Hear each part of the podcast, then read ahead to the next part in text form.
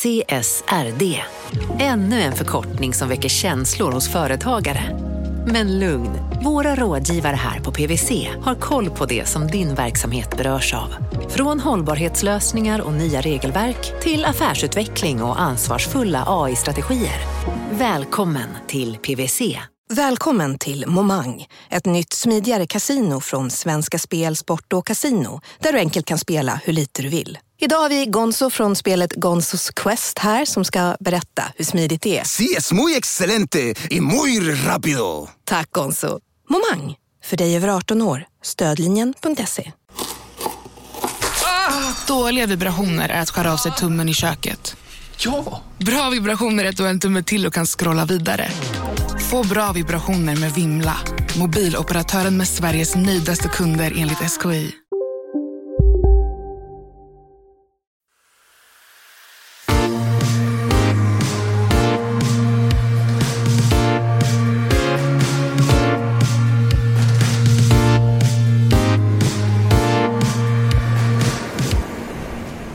Underbara lyssnare, jättevarmt välkomna tillbaka till ännu ett De kallar oss krypto.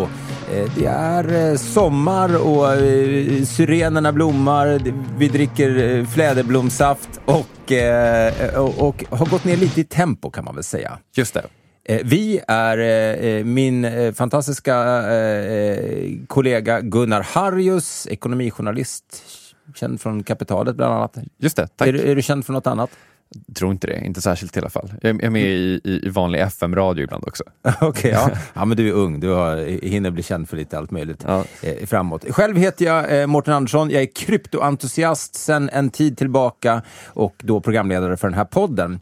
Eh, och i dagens avsnitt eh, så ska vi... Jag skulle vilja säga att det här är ju eh, anledningen till att de kallar oss krypto startade handlade faktiskt mycket om att jag började lyssna på Kapitalet. Som är en fantastisk podd om ekonomi. Alltså lite populär... Eh, vad, säger man? Är Liksom Populärvetenskaplig kan man nog säga, tror jag. populärvetenskaplig.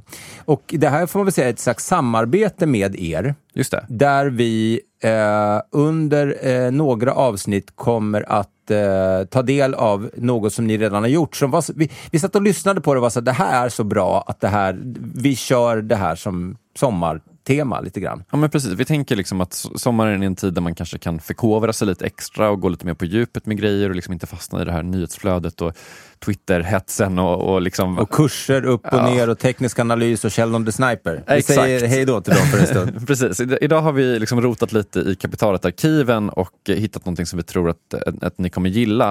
Eh, det här avsnittet handlar om NFT, Eh, alltså non-fungible tokens. Det är ett ämne som vi har gjort en liten kryptoskola på tidigare och som vi stött på flera gånger när vi, vi gjort våra vanliga DKOK-avsnitt.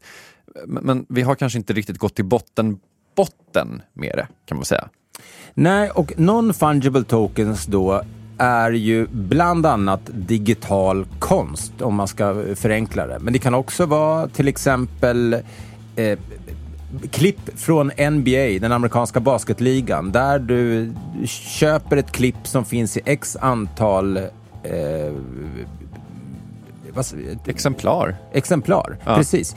Eh, Så det kanske finns tio stycken av ett, det kanske finns en av ett, eller det finns hundra. Och så äger du då de digitala rättigheterna till, till just det klippet och kan sälja vidare och tjäna massa pengar, eller inte. Eller så bara behåller du det som en eh, trofé. Just det, och, och det jag har märkt, om vi återgår till det här med, med krypto, Twitter och så här, det jag har märkt att NFT är lite av en, av en vattendelare. Mm. Eh, Att det är så här, även folk som tror på bitcoin och tänker att bitcoin är värt någonting och tänker att liksom, pengars värde skapas på massa olika sätt. Många tänker på NFT som någonting lite tramsigt, eh, har jag märkt. Jag vet jag vet inte om du kan hålla med om den liksom, bilden jag ger av, av kryptovärlden? Jo, men det tycker jag absolut att du har helt rätt i. Eh, Jag tror bara att jag, jag, jag, jag har själv inte köpt några NFTs än. Jag skulle vilja. Det finns något som heter Bored Apes som är så otroligt coola, men de är så dyra så att det är, jag vågar verkligen inte och jag har inte de pengarna heller om jag ska vara helt ärlig. Eh, för de går loss på, eh, alltså det är många ETH. Ja, Eh, Men, men, men, men det jag tror och tänker är ju att i en tid där de yngre framförallt ser den virtuella världen som mer riktig än den fysiska världen så, så tror jag det kommer finnas ett stort utrymme för inte bara svärd eh, eller konst i de här världarna. Jag har en kompis till exempel eh, som heter Niklas. Han köpte ju en, ett par digitala skor och först tänkte jag, är du helt galen? Men ju mer jag började tänka på det, så här, okay, det här är typ first limited edition av ett par Gucci-skor som han då kan ha på sig i olika digitala rum. Ja, och det, det börjar ju snurra i huvudet så fort man börjar tänka på det här. ja. Eh, men, men eh, oavsett vad, så, vad man tycker och tänker så är dagens avsnitt just en rejäl djupdykning i samarbete med kapitalet i det som då heter non fungible tokens. Precis, och det börjar med den 30-åriga Malmöbon Nick Riley.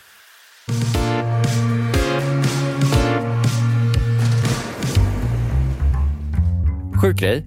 Eh, den 30-årige Malmöbon Nick Riley har skapat en egen värld. Otroligt. Berätta mer om den här världen, tack. Ja, men så här, eh, den här världen är väldigt lik eh, vår värld på, på vår jord. Liksom, den består faktiskt av exakt samma byggstenar som, som, som vårt universum. Alltså samma grundämnen som den här världen. Än så länge inte imponerad, men... Men grundämnena i Nicks värld, de lever. Var grundämne i periodiska systemet har jag gjort eh, till en superhjälte. Och deras superkrafter är baserade på eh, vad grundämnet gör i verkligheten.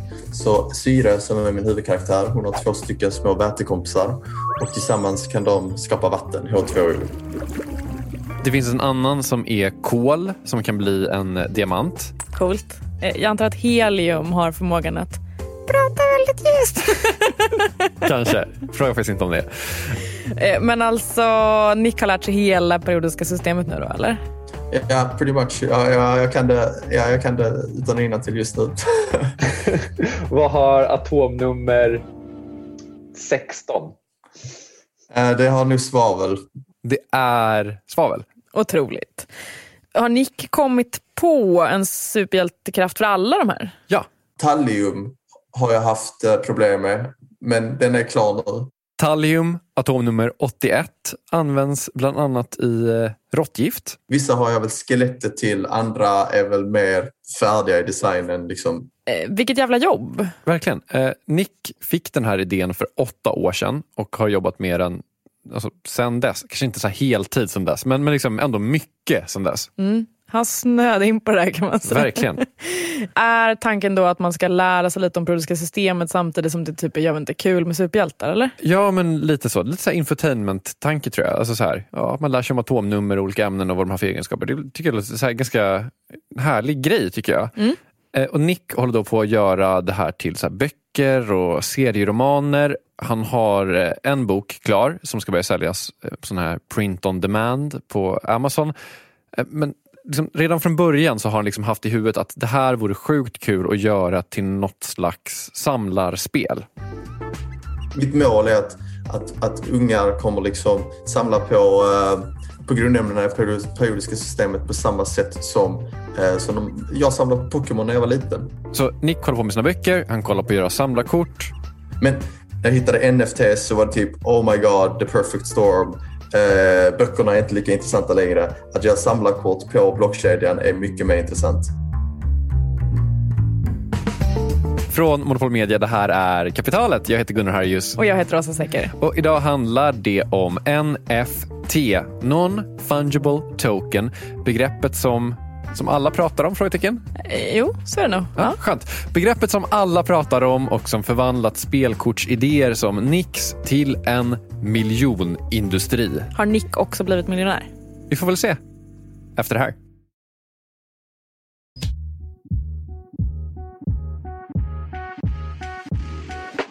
De senaste veckorna har det pratats mycket om NFT. Till och med på den statliga radion. Ja.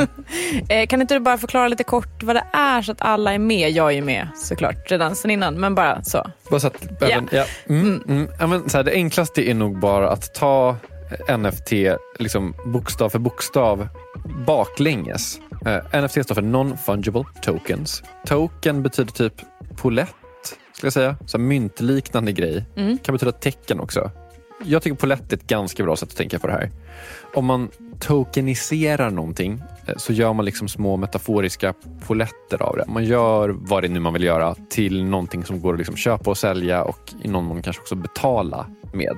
Jag ser små runda saker framför mig men jag förstår att det här är på en mer abstrakt nivå. Exakt. Ja. men det är svår, herregud, små runda saker är perfekt. Ja. Och så fungible då, det betyder utbytbar. Eh, Så ett exempel på någonting som är utbytbart, pengar, alltså riktiga pengar. Om jag har en 20 och du har en 20, då kan vi byta dem med varandra utan att det händer någonting överhuvudtaget. Ja, för att det liksom är samma 20 på ett sätt. Medan eh, någonting som är, eh, som är non-fungible i verkligheten, om vi säger så, är typ Mona Lisa-tavlan.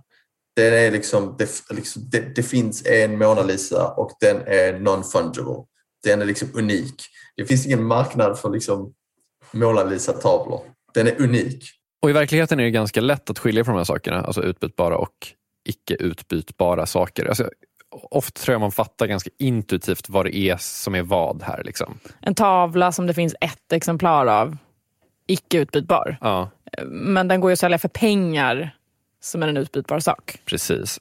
Men i digital form på internet så har det varit mycket svårare att skilja på de här sakerna. Och det här är ett problem. Alltså, okej, ta till exempel motsvarigheten till tavlor på internet, alltså digital konst eller så. De har ju på ett sätt då varit icke utbytbara, för det är konst, en- som du precis gav exempel på, är en icke utbytbar sak. Men på internet har de liksom varit utbytbara. Det finns ju något som heter copy-paste. Exakt. Ja. Som exempel på hur problemet ser ut. Eh, Jag kan inte göra digital konst för att jag är väldigt otalangfull på sånt. Men jag säger att jag skulle göra en liten minipodd bara för dig. ja, Eh, snällt. Verkligen. Eh, Och så lovar jag att det bara är du som, som ska få den. Jag gör podden och skickar mp3-filen till dig eh, på Slack eller mail eller någonting. Och då har ju du podden. Men jag har ju också podden. Jag har inte blivit av med den för att jag skickat den till dig på mail. Nej. Utan det du har är ju liksom en exakt kopia. Det är exakt samma fil som jag har. Det heter till och med samma sak på din dator som det heter på min dator. Ja. Det är samma podd. Man har drag and droppat. Ja, Ja. exakt. Och jag skulle ju då, fast jag har lovat att bara skicka den till dig, skulle jag kunna skicka den till Jakob också utan att du märker någonting. Jag skulle bli kränkt. För det var ju bara jag som skulle få den. Eh, Men också inte hela världen. Absolut. Men säg att du betalar mig för att göra en specialpodd för dig och bara dig. Jag gör det. 10 lax tar jag. Det ska vara en ganska bra podd för 10 lax kan jag känna. Men jag är, visst. jag är Ja. skitduktig. Jag skickar den till dig och premissen är ju då att det är bara till dig. Men liksom, har du originalet av den podden då? Är det det du har köpt? Hur kan du veta att jag inte säljer exakt samma podd till Jakob? Också för 10 000. Jag liksom dubblar mina, mina spendings här. Eh, Men Gunnar, jag litar på dig. Ja, och jag skulle ju aldrig blåsa dig på det här sättet, Åsa. Men jag hade kunnat. Ja, eh, det det här är ju en av många anledningar till att jag aldrig skulle köpa en podd, varken av dig eller någon annan, för 10 000 kronor. Absolut. Men samlarkort då? Det som Nick Riley är intresserad av att göra. Om han gör digitala samlarkort av grundämnena och du känner för så här, det här är en jättekul, spännande grej, man får lära sig om grundämnena, de är så gulliga ut, de här superhjältarna, allt är toppen. Jag vill börja samla på det här känner du. Då känner du kanske att du vill nog att han inte ska kunna skicka de här samlarkorten till vem som helst hur många gånger som helst och bara liksom reproducera dem i all evighet. Amen. Ja, för det känns ju mer unikt om jag har ett mer unikt exemplar. Precis. Ja, referens tillbaka till vårt avsnitt om samlare. Ja, exakt. Samlarkort är ju en grej som samlare samlar på kan man säga. Men eh, jag fattar inte hur NFT löser det här problemet. NFT löser det här problemet genom, håll i dig, blockkedjeteknik. Jag skickar liksom en transaktion till blockkedjan som då skapar en sak på blockkedjan och den läggs in i blockkedjan eh, och, och finns där då för evigt. Eh, Så den här to- tokenen, T1 token, är någonting som då ligger på blockkedjan. Okej. Eh, Nicks samlarkort ligger på blockkedjan. Mm. Vad fan betyder det? Det känns som att det är liksom dags att vi tar då kryptering och hur det funkar. Äntligen! Okej. Jag har längtat så mycket efter det här. Ja, jag vet att du har det. Du har Ja. tjatat på mig i månader att jag skulle förklara det här för dig. Gunnar, snälla kan du förklara det för mig? Ja. Krypteringsmusik. vi tar bitcoin som exempel. Nu ligger till exempel Nix NFT och de flesta NFT-erna som jag hittat i alla fall på ett annat system som heter ethereum som funkar lite annorlunda. Skitsamma, det här är liksom liknande teknik, det är liknande idéer. Premissen som man måste börja med för att vi ska kunna förstå det här. Det är att du, jag, Jakob och Teresa startar ett nytt ekonomiskt system. Varför skulle vi göra det? Ja, men, säg att vi kanske bjuder varandra på lunch hela tiden. Alltså, liksom varje dag går vi ut och äter lunch. Varje dag är det någon som betalar hela notan. Liksom. Vi gör det här så pass ofta att det börjar bli typ lite opraktiskt att hålla på och swisha varandra hela tiden. Just i Sverige inte ett jättestort problem för att Swish är gratis att göra för oss. Men, men säg att vi skulle bo i ett land där Swish inte var gratis eller där man var tvungen att ha den fruktansvärda saken kontanter på sig hela tiden. Vidrigt. Så kanske man inte har det hela tiden. Mm. Så det vi gör istället är att vi har en hemsida där vi skriver ner varandras skulder och i slutet av månaden så liksom settlar vi de här skulderna. Okej, jag är med. Så du, jag, Jakob och Teresa går ut och äter lunch som vi alltid gör. Jag betalar för alla fyra och då skriver jag in på hemsidan Jakob är skyldig Gunnar 100. Ja. Åsa är skyldig Gunnar 100. Ja. Teresa är skyldig Gunnar 100. Ja. Eh, men eh, jag är ju snabb med att återgälda sånt här. Jag är en bjussig person, Mm. som du vet. Så att, eh, dagen efter så köper jag lunch till dig. Mm. Och dagen efter det så köper Teresa lunch till mig. Så då skriver vi in på hemsidan eh, Gunnar är skyldig Åsa 100 och Gunnar är skyldig Teresa 100. Och I slutet av månaden när vi räknar ihop allting så är det bara en enda rad kvar så att säga. När man liksom strykit alla skulder som jämnar ut varandra. Det står bara Jakob är skyldig Gunnar 100. Så han tar fram en hundring ur sin plånbok eller tar fram sin Swish-app och sen så är boken tom igen när han har betalat den skulden. Och Poängen med den här hemsidan det är att alla vi, alla fyra, kan gå in och skriva in skulder. Det är liksom inte bara en person som är admin. Nej, utan alla kan gå in och skriva, alla kan se vem som är skyldig vem vad. Och här vill jag vara lite tydlig nu här. Om man inte vill fatta mer än så här så är det okej.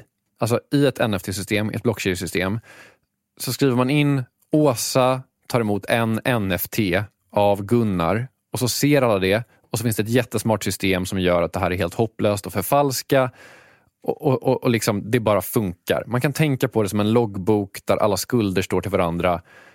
Alla kan se det, allting funkar. Det räcker att tänka på det så. Man kan, man kan leva sitt liv med den kunskapen och ingen mer. Exakt. Ja, men jag nöjer mig inte där. För vi, nu kommer vi ta den lite krångligare tekniska förklaringen också. En invändning man kan ha eh, det är ju att Jakob skulle ju kunna skriva in Gunnar är skyldig Jakob 200, eh, Åsa är skyldig Jakob 200 i slutet av månaden eh, så får Jakob bara massa pengar. Mm, precis. Så vad gör vi åt det här då? Jo, vi lägger in små digitala signaturer. Så när jag lägger in Åsa är skyldig Gunnar 100, då kan du eh, lägga på din signatur och säga ja, det är jag. Och så är det lugnt. Signaturer går ju att förfalska. Ja, eh, det gör de. Eh, så, Jag kan förfalska min pappas jättebra. Den är Ja. jättelätt. Så för att undvika att du ska blåsa din pappa på massa pengar, att du ska liksom, ni ska ha ett sånt ekonomiskt system där, där du bara skriver Åsas pappa är skyldig Åsa 500 000 och sen skriver du liksom signat Åsas pappa. För att undvika den situationen så tar vi hjälp av något som heter kryptografi. Otroligt. Ja. Istället då för att du skriver ditt namn, Åsa, på hemsidan så får du två stycken nycklar. En hemlig nyckel och en offentlig nyckel. En huvudnyckel och en extra nyckel. Nej, Nej. det, det här är problemet. Det här går inte att gissa sig till hur det här funkar. Men jag kämpar på.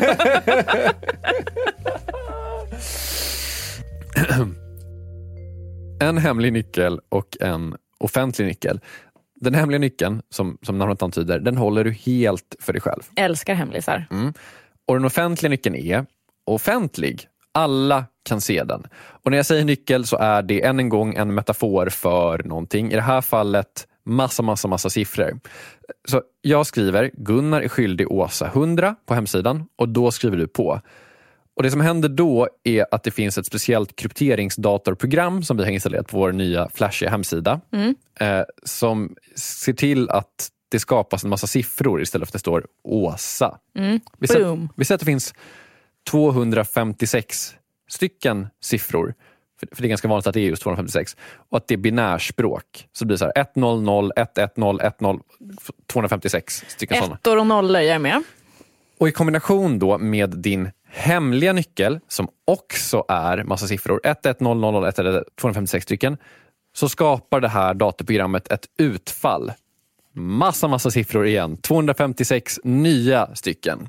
Och i kombination med din offentliga nyckel, massa siffror igen, så kan det bekräftas om din signatur är giltig eller inte. Det är en ekvation som måste gå ihop sig. Gör den inte det så är det fel. Precis, och hur den ekvationen ser ut det vet ingen förutom krypteringsprogrammet. Mm. Så meddelandet Åsa är skyldig 100 och din hemliga nyckel producerar en signatur och meddelandet, signaturen och din offentliga nyckel kan bekräfta om det var samma persons privata nyckel som producerade signaturen. Sant eller falskt säger den bara. Och liksom, sättet man skulle försöka förfal om man skulle liksom försöka förfalska det här. då, det enda sättet att göra det är att liksom försöka gissa signaturen och hoppas att den matchar med de här nycklarna. Och då, det enda sättet man kan göra då är att skriva 1001 och så vidare, 256. Och, och det finns ganska många kombinationer av det. Två upphöjt i 256 faktiskt, vilket är ett astronomiskt nummer om det inte vore för att det skulle vara att ge för mycket cred till universums storlek. Jag kände på mig att det var något med partiklar och sandkorn i Ja. öknen och så vidare på den nivån. Eh, ja, ska vi sammanfatta det här med att jag fattar absolut ingenting? Men Åsa, då gör vi så här. Vi tar fram din absoluta favoritsak. Jag har, jag har faktiskt förberett en, en an, alternativ förklaring här. En Mm. Och förklaring, jag har inte fått höra den här i förväg Nej, kan vi Det är säga. en förklaring i ljud. Ja. Här är ett ackord. Det är ett C, eh, spelat på en viss synt. Det här ljudet representerar din hemliga nyckel. Du kommer ihåg den? Mm, jag känner att jag är på väg att bli ditsatt nu på något sätt. Men absolut, jag kommer ihåg den för alltid. Ja, bra. Får jag höra den en gång till så jag kommer ihåg den extra bra? Så du går in på vår magiska hemsida. Som, det här är ju det som Mm. är krypteringsgrejen. Eh, du eh, vill skriva eh, Åsa är skyldig Gunnar 100 och då Mm. låter den texten också ett ljud, ett annat ljud. Mycket tristare ljud. Och sen så har vi då en helt magisk ljuddator Ah, drömmigt. som kan kombinera de här två sakerna till ett nytt ljud. Meddelandet plus din nyckel blir en signatur. Men den blir inte de två sakerna tillsammans, för det skulle vara lätt att lista ut. Det blir inte, utan det blir ett nytt ljud som är helt oförutsägbart för oss att lista ut. Det blir det här ljudet. Oj, wow. En otrolig dator och ett otroligt ljud. Det blev liksom harmoni i regnskogen. Mm, det är en magisk dator. Sen finns det en till magisk funktion. Den kan säga ifall din signatur, alltså faktiskt är din. Så ifall Jakob kommer och bara hmm, någon har skrivit på här att Åsa är skyldig Gunnar 100, då kan han testa det. Hur kan han testa det? Eh, Det kan han göra med hjälp av din offentliga nyckel, den som alla har tillgång till. Din offentliga nyckel låter så här. Min hemliga var mycket finare. Ja, den var lite mer wacko kan man Ja. säga. Och den vet Jakob är din, för den är offentlig. Så han stoppar in din offentliga nyckel plus meddelandet Åsa är skyldig Gunnar 100 plus signaturen som han ju också kan se. Och när han stoppar in det i datorn så kan datorn säga ifall den offentliga nyckeln och den hemliga nyckeln kommer från samma person. Alltså dig. Den säger bara ja eller nej. Den avslöjar inte din hemliga nyckel. Den säger bara om den liksom hänger ihop med den offentliga. Och Om jag skulle vilja försöka förfalska din signatur, då finns det alltså inget bättre sätt än att testa olika ljud. Och Det finns ju ganska många olika ljud att testa. Så du måste liksom köra den genom den magiska ljuddatorn baklänges och hoppas att den matchar med din hemliga nyckel. Det är det här som är den astronomiska utmaningen upphöjt till 10. Alltså jag kan inte beskriva hur många ljud det är. Nej. Sen, och nu kommer jag förenkla det här grovt, så när man gjort ett gäng sådana här transaktioner som alla bekräftas med de här signaturerna och nycklarna och allt det här. Då lägger man in dem i någonting som man kallar för ett block. Det är liksom en, en, en datorkod som samlar de här transaktionerna. Sen krypterar man det ytterligare, lite på ett liknande sätt som jag precis har beskrivit det. Och sen så skapar man en kedja av de här blocken. En blockkedja. Exakt. Och det fina där, det är då att genom kryptering, lite på det sättet som jag beskrev nyss, liksom bekräftar också att det nyaste blocket har att göra med det de tidigare blocken. Så att allt hänger ihop. Så att alla är säkra på att alla transaktioner är okej. Okay. Slut på ljudförklaring. Otroligt. Jag känner mig faktiskt eh, smartare. Det känns som man är ganska nära förstå hoppas jag. Ja, absolut. Man ja, kan liksom skymta ja, polletten ja. som är på väg att trilla ner. jag kan perfekt. liksom se den mm. i ögonvrån. Okej, okay, så det är alltså med hjälp av den här tekniken som man flyttar NFT-konst, alltså periodiska systemet Eh, superhjältar, gubbar på datorn. Exakt. Eh, så det är liksom det här som är det nya med NFT. Eh, det är ju då inte då att man kan flytta bilden av ett liksom, eh, en kolbit superhjälte från en dator till en annan. Det har man kunnat göra jättelänge. Ja, copy-paste har ju funnits ett tag. Exakt. Utan det man kan göra nu är liksom att bekräfta att när jag flyttar mitt samlarkort från mig till dig, då blir jag av med det så att säga. Alltså, ja. Då garanterar krypteringssystemet att jag inte också behåller det och skickar det till någon annan. Det är mer en sån kontroll X, kontroll V. Ja, faktiskt. Ja. Eh, Okej, okay, så man kan säga då att blockkedjetekniken möjliggör att sälja digital konst och samla kort på ett annat sätt, eller? Ja, eh, eller så här, det du säljer är ju liksom snarare själva liksom, vad ska man säga, så ägandebeviset för att det är just du som äger det här samlarkortet. Alltså vem som helst kan fortfarande ta del av kortet eller av vad det nu är man lägger på NFT-blockkedjan. Ta typ det här.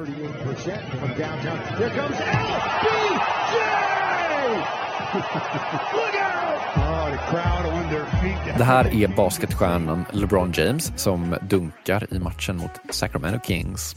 Det är kraftfullt kanske ja, man kan säga. Ja, han, han, tar bollen på mittplan och springer igenom tre personer och smäller ner den i 400 kilometer i timmen genom, genom the hoop. Han gör det han är bäst på. Ja. Och du kan ju uppenbarligen se den och jag kan se den och vi skulle kunna gå in på Youtube och kolla på den här hundra gånger och med ett program skulle vi också kunna ladda ner en, en, en fil av det här och skicka mm. till alla vi känner. Men det finns en person som har köpt liksom, den officiella NBA NFT-versionen av det här klippet för 208 000 dollar. Okej. Okay. 208 000 dollar. Det är jättemycket pengar. Ja. Det är eh, säkert nästan 2 miljoner kronor. Eh, vad betyder det ens? Det betyder att NBA, alltså amerikanska basketligan, de har gjort ett officiellt liksom här, digitalt samlarkortssystem där man kan köpa olika klipp som samlarkort. Så man får ett samlarkort och så rör det sig bilder på, på kortet så att säga. Åh, oh, det är som i Harry Potter. Exakt som Harry Potter uh. faktiskt. Ja. Så om man tar det som Nick har gjort, alltså han har ritat alla grundämnen i periodiska systemet och gjort dem till samlarkort. NBA har gjort basketklipp till samlarkort. Sen har de skapat certifikat som säger att personen som har det här certifikatet är liksom den officiella ägaren av det här digitala kortet. Sen har man lagt in det på blockkedjan som, som vi beskrev och sen så har man auktionerat ut det. Fråga bara så att inte jag har missförstått här nu. Om man ska liksom överföra det här basketklippet till blockkedjeförklaringen. Alltså vad motsvarar klippet i den här fina ljudsignaturförklaringen? eh, klippet är meddelandet Åsa är skyldig Gunnar 100. Alltså så när man lagt upp det på blockkedjan då eh, auktionerar man ut det helt enkelt. Och det var någon galning där ute som ville betala 200 000 dollar för det här? Exakt. Ja, förlåt, det där är inte sunt. Det, det, det, det är en åsikt. Det är en åsikt jag har. Eh, men fråga på det, när man liksom har, har bestämt sig för att lägga 200 000 dollar på ett klipp, vad gör man med klippet? Liksom? Ja, de samlar på dem och så har de dem i sin plånbok och vissa människor använder dem som visningsprofilbilder på Twitter. Um, vissa människor vill bara ha dem uh, för att de tycker de är fina och vill samla på dem. Andra köper dem för att de spekulerar på marknaden och tror att de ska gå upp i pris och vill sälja dem för mycket dyrare. Okej, uh, de samlar på dem, de kollar på dem så här. Ja, men jag kan ju också kolla på det här klippet igen och igen. Jag har redan sett det två gånger Och jag har inte betalat ett korvöre. Nej, det är ju sant. Men jag tror att man kanske måste tänka på det på ett lite annat sätt än typ, har du möjlighet att se det här klippet eller inte? Du känner till Pokémon-kort som är ett sånt fysiskt samlarkort. Ja, alltså det är lite efter min tid. När jag var liten så hade ju killarna i klassen hockey hockeykort. Ja, men jättebra. Hockeykort. Eh, hockeykort ser ut på ett visst sätt. Det är en bild på en hockeyspelare, det är lite stats. Mm, vissa var lite så glansiga och så, och så den man ville ha var väl typ, jag vet inte, Wayne Gretzky. Det var exakt Wayne Gretzky man ville ha. Allra helst vill man ha ett speciellt Wayne Gretzky-kort från hans första säsong i ligan, hans så kallade rookie-kort. Eh, det kortet gick rätt nyligen för 1,3 miljoner dollar på auktion. Exakt.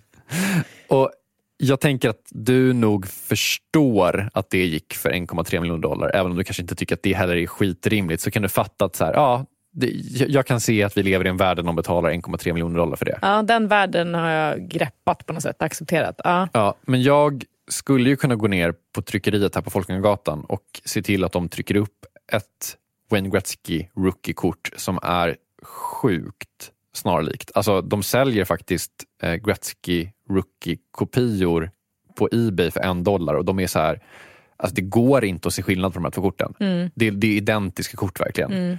Om jag köper ett sånt eller om jag trycker ett kort på tryckeriet, äger jag då ett kort för 1,3 miljoner dollar? Jag skulle svara nej på den. Ändå så är ju innehållet exakt samma. Precis som att du kan kolla på exakt samma innehåll. Du kan kolla på när LeBron James dunkar. Du kan ladda ner klippet till din dator. Men klippet är inte värt 200 000. Men att äga certifikatet som säger det här är klippet med stort K. Det är värt så mycket. Enligt marknaden då, på samma sätt som marknaden bestämmer att det faktiska rookie-kortet som är liksom några år äldre är värt 1,3 miljoner dollar och en kopia är värd en dollar. Ja. Alltså, Nvidia har skapat liksom en, en artificiell knapphet här. Där man säger att det finns bara en riktig version av det här klippet. Och jag menar så här, ja, det verkar ju funka just nu och kanske kommer det göra det i framtiden också. Och Nick är liksom verkligen inne på att så här, det här kommer funka. För att ett barn av idag vill liksom inte äga ett fysiskt kort med atomhjältar på. De gör allting på sina mobiltelefoner och de kommer också samla på sina samlarkort på mobiltelefoner. Så eh, ja, då gäller det att vara först in där, kände jag. Och liksom det Nick ser framför sig här, det är liksom mer än bara samla kort. Alltså, han menar att vi befinner oss liksom på tröskeln till någonting stort. Det finns liksom möjligheter här som vi inte ens kan tänka oss. Så som jag känner när det kommer till krypto och NFTs är att det är 95 just nu. Vi är samma, vi är samma stadie som internet var 1995. Och om vi tittar tillbaka till internet 1995, det är liksom det är, allting är pixelatat, hemsidorna liksom ser fjärdiga ut. Och sen så hade man nog inte kunnat föreställa sig liksom att saker som Facebook och Instagram och Twitter skulle kunna byggas på internetet.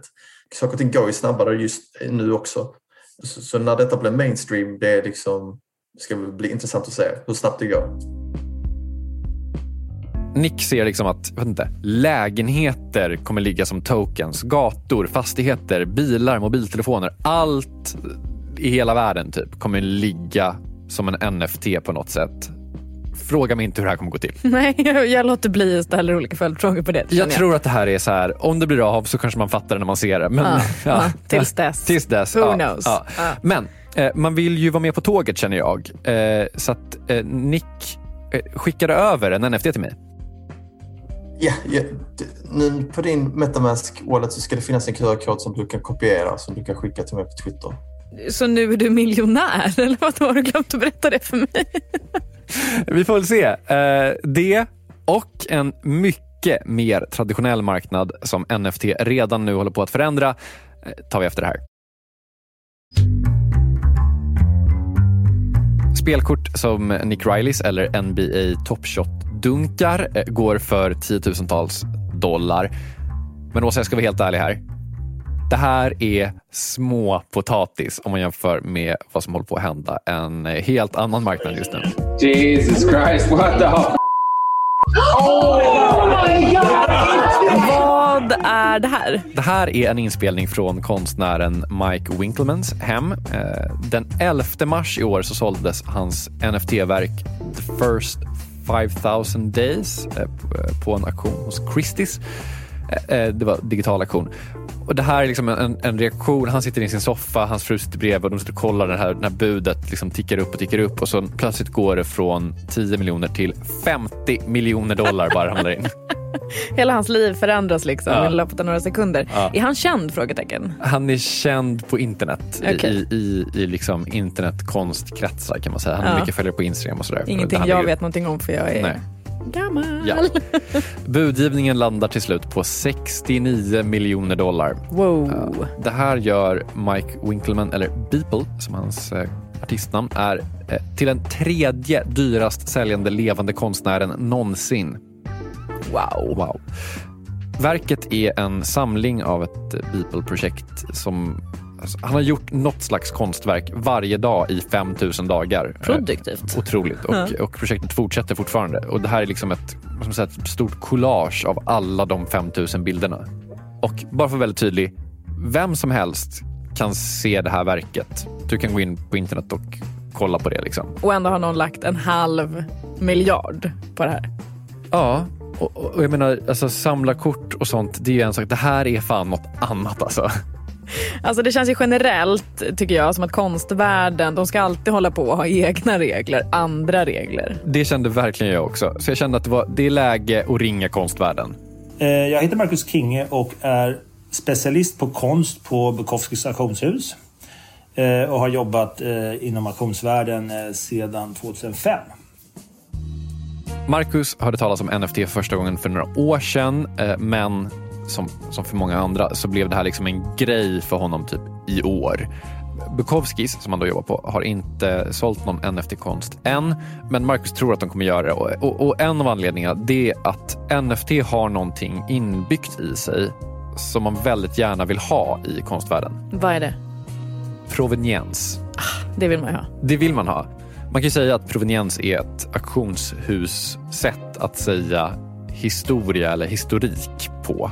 Och som vi var inne på då så löser ju NFT historiken ganska smidigt. Den här liksom boken eller hemsidan där alla transaktioner står, den finns ju öppen för alla. Så man kan se vem som ägt någonting, vem som äger någonting, hur mycket de har köpt det för, vem som har sålt till vem och så vidare. Och det här är egentligen någonting man vill ha i vanlig fysisk konst också. Om du äger en målning eller en skulptur så vill man ju ofta ha ett äkthetscertifikat eller kunna följa bakgrunden till den här målningen. Så man vet att allting stämmer och att det är ett äkta verk av den här konstnären. Och det hjälper ju blockteknologin till med och är ju en fördel på det sättet att eh, som inte bara kanske kan användas enbart inom digitala konstverk utan även kanske kan appliceras tror jag till eh, fysiska konstverk. Okej, så han tror inte bara att det här kommer fortsätta, han tror också att man kommer ta den här tekniken och använda den på så lite mer traditionell konst. Ja, precis. För att det är så bra att ha typ en lista över vem som har ägt allting som liksom är offentligt för alla hela tiden. Superpraktiskt. Verkligen. Och Marcus menar att visst, det här är någonting nytt. Man kanske inte tänker på den här digitala konsten som konst riktigt. Man kan reproducera den oändligt. Det är ju inte så bra i en kritik. Marcus menar att den kritiken, det är ingenting som konstvärlden inte har hört förut. Det var många som höjde på ögonbrynen när vi sålde eh, videoverk eh, för några år sedan. Och idag är det en självklar del av inte bara samlarnas vardag och konstutformen utan även eh, konstmarknaden. Och även när fotografi först kom upp så var det många som ifrågasatte om det bara var avbildning eller om det var konstform. Och idag är det ingen som ifrågasätter det utan det är en eh, självklarhet då eh, att det är någonting som man kan samla på. Så NFT är så den nya fotokonsten. Kanske.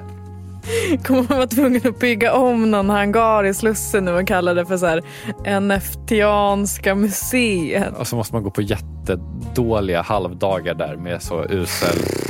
Ja, Trå- hoppas de har en bra restaurang som de har på Fotografiska i alla jag fall. hoppas de har en bra bar. Ja, Punkt. verkligen. Även mycket tyder väl på det. Eh, Men liksom det här med reproduktionen tycker jag är svinintressant. För Marcus menar att det är inte bara så att värdet inte sänks av att man kan eh, reproducera de här bilderna i all oändlighet. Värdet höjs av det. Det finns en ny generation som inte tycker det är märkligt att äga någonting digitalt.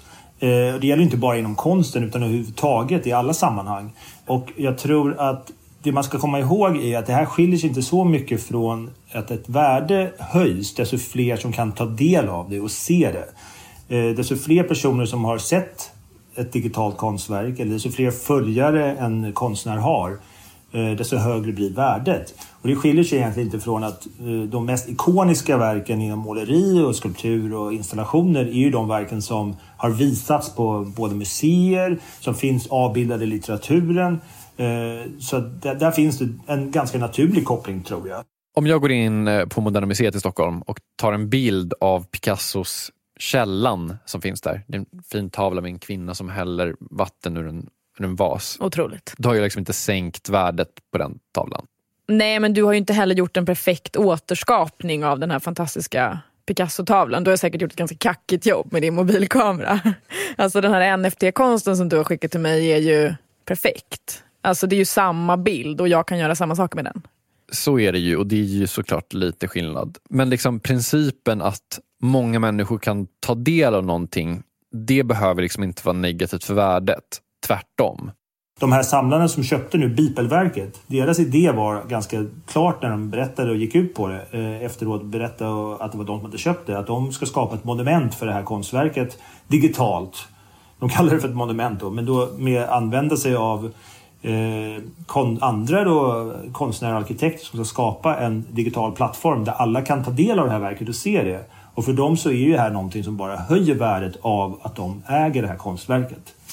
Jag tror det finns ju många gånger inom konsthistorien eh, paradigmskiften i vad man anser vara konst. Och, eh, inte bara minst när Matisse-eleverna ställde ut sina första konstverk, Lisa Grünewald och Sigrid Hjertén i Sverige, så var det folk som ifrågasatte om det bara var måleri eller om det var en färgbladder och idag så är det ju respekterade och det var ju fantastiska konstverk. Konsten testar alltid gränserna för vad som är möjligt, även tekniskt. Och när popkonsten och Andy Warhols konstverk kom, som tog en eh, tomatsoppburk och sa att det här var konst, så är det idag en självklarhet och eh, ifrågasätter och utmanar gränserna för vad som är möjligt. Popkonst kanske är faktiskt ett ännu bättre exempel. Alltså om jag går ner på Coop här nere och köper en sån Campbells soppburk, eller ja, de kanske inte har exakt en sån på Coop, men jag kan lätt beställa en sån på internet för typ 10 dollar. På Hemköp, telefonplan finns det garanterat. Ja, perfekt. Ja, men då så. Äger jag en Andy Warhol då? Eh, jag skulle säga nej. Och det är väl skillnaden? Nu har jag fått någonting här. Ja, skitbra. Okej, okay, gött. Uh, nu ska vi se, jag ska vi öppna. Uh... Oavsett vad man tycker om NFT och dess framtid så måste man ju säga att det, det är ganska hett just nu. Uh, så, så, jag kände ju då att det är läge för mig att ge mig in i det här racet. Så Nick skickar över en. Just det, just det, just det. Den som ska göra dig, alltså också mig, oss Monopolmedia till miljonärer. Ja, exakt. Okej, okay, Atomic Heroes Collection 1, 1AH1. Polonium. Eh, här, här är den. Oj! det, är, eh, det är en Barbapappa på speed. Ja. Det är exakt det det är. Otroligt. Atomic Hero nummer 84. Polonium. Ja, det är en liten text där nere som också står vad han gör. Kan jag ja, eh, polonium can split into many mini pose. When he wants to, uh, he can reabsorb the mini pose and become big again. Oj, han kan liksom dela sig själv i tusen bitar och bara... Ja, väldigt praktiskt som superhjälte betraktat. Verkligen, för då kan man ju försvinna in i skrymslen och vrår. Och sen kan man liksom reassemble. Ja. Coolt. Ja. Den är också rosa. Ja. Det tycker jag mycket om. Mm. Och faktum är att jag inte bara fick en, utan tre stycken. Otroligt, så nu är vi inte bara miljonärer utan multimiljonärer, är det det du försöker säga? Inte riktigt än. Den är värd typ 100 spänn. Alla börjar någonstans. Alla börjar någonstans, men man vet ju inte hur det är med värdeutvecklingen på sånt här. Det har ju stuckit iväg. En gång har väl en NBA-dunk också kostat 100 spänn kan man tänka sig. Ja, det där var alltså en eh, djupdykning i NFTs som det förkortas, Non-Fungible Tokens. Nu, nu kan ni ju kanske inte allt, men väldigt mycket mer. Just det. Eh, vill man kolla in Nick Rileys konst eh, så finns den bland annat på Twitter under namnet eh, Atomic Heroes. Där kan man se hur de här liksom, olika figurerna och samlarkorten ser ut. Ja, och det finns ju mängder av plattformar där man också kan köpa det här om man är intresserad.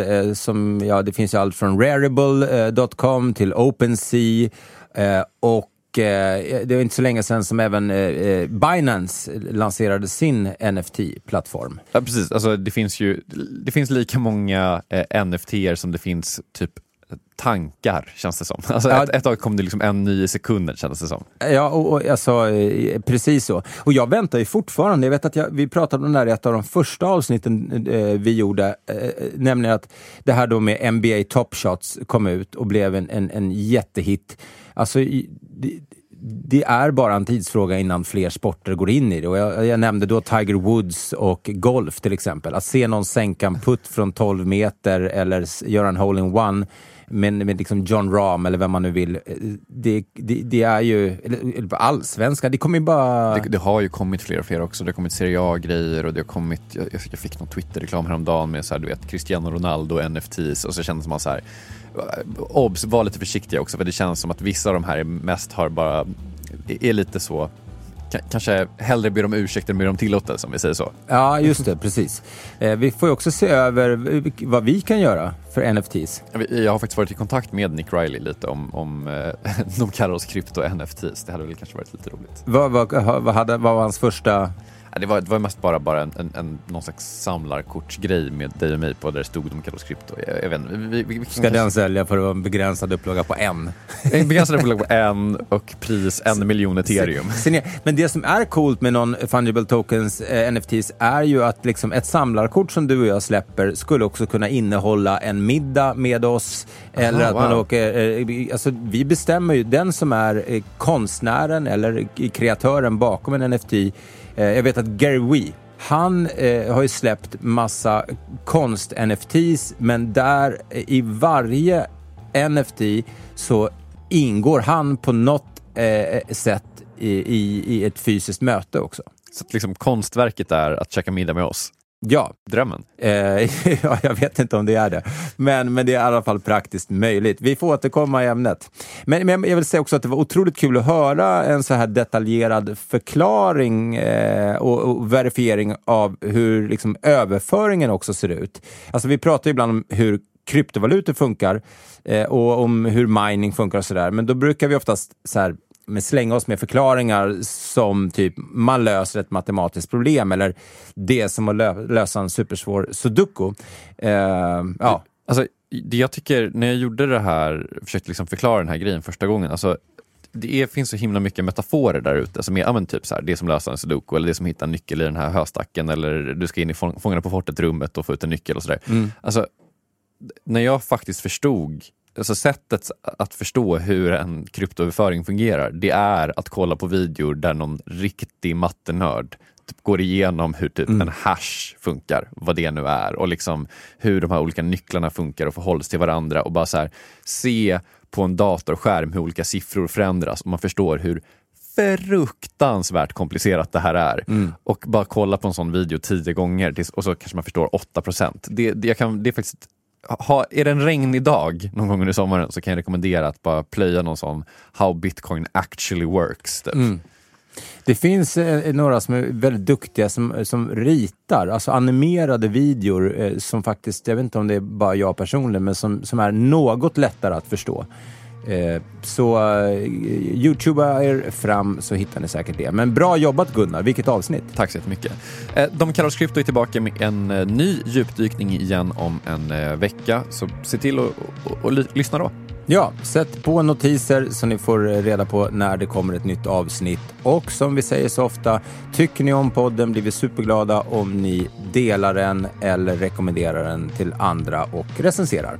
Med det sagt säger jag, Mårten Andersson, hej! Jag, Gunnar Harry, säger också hej. Hej!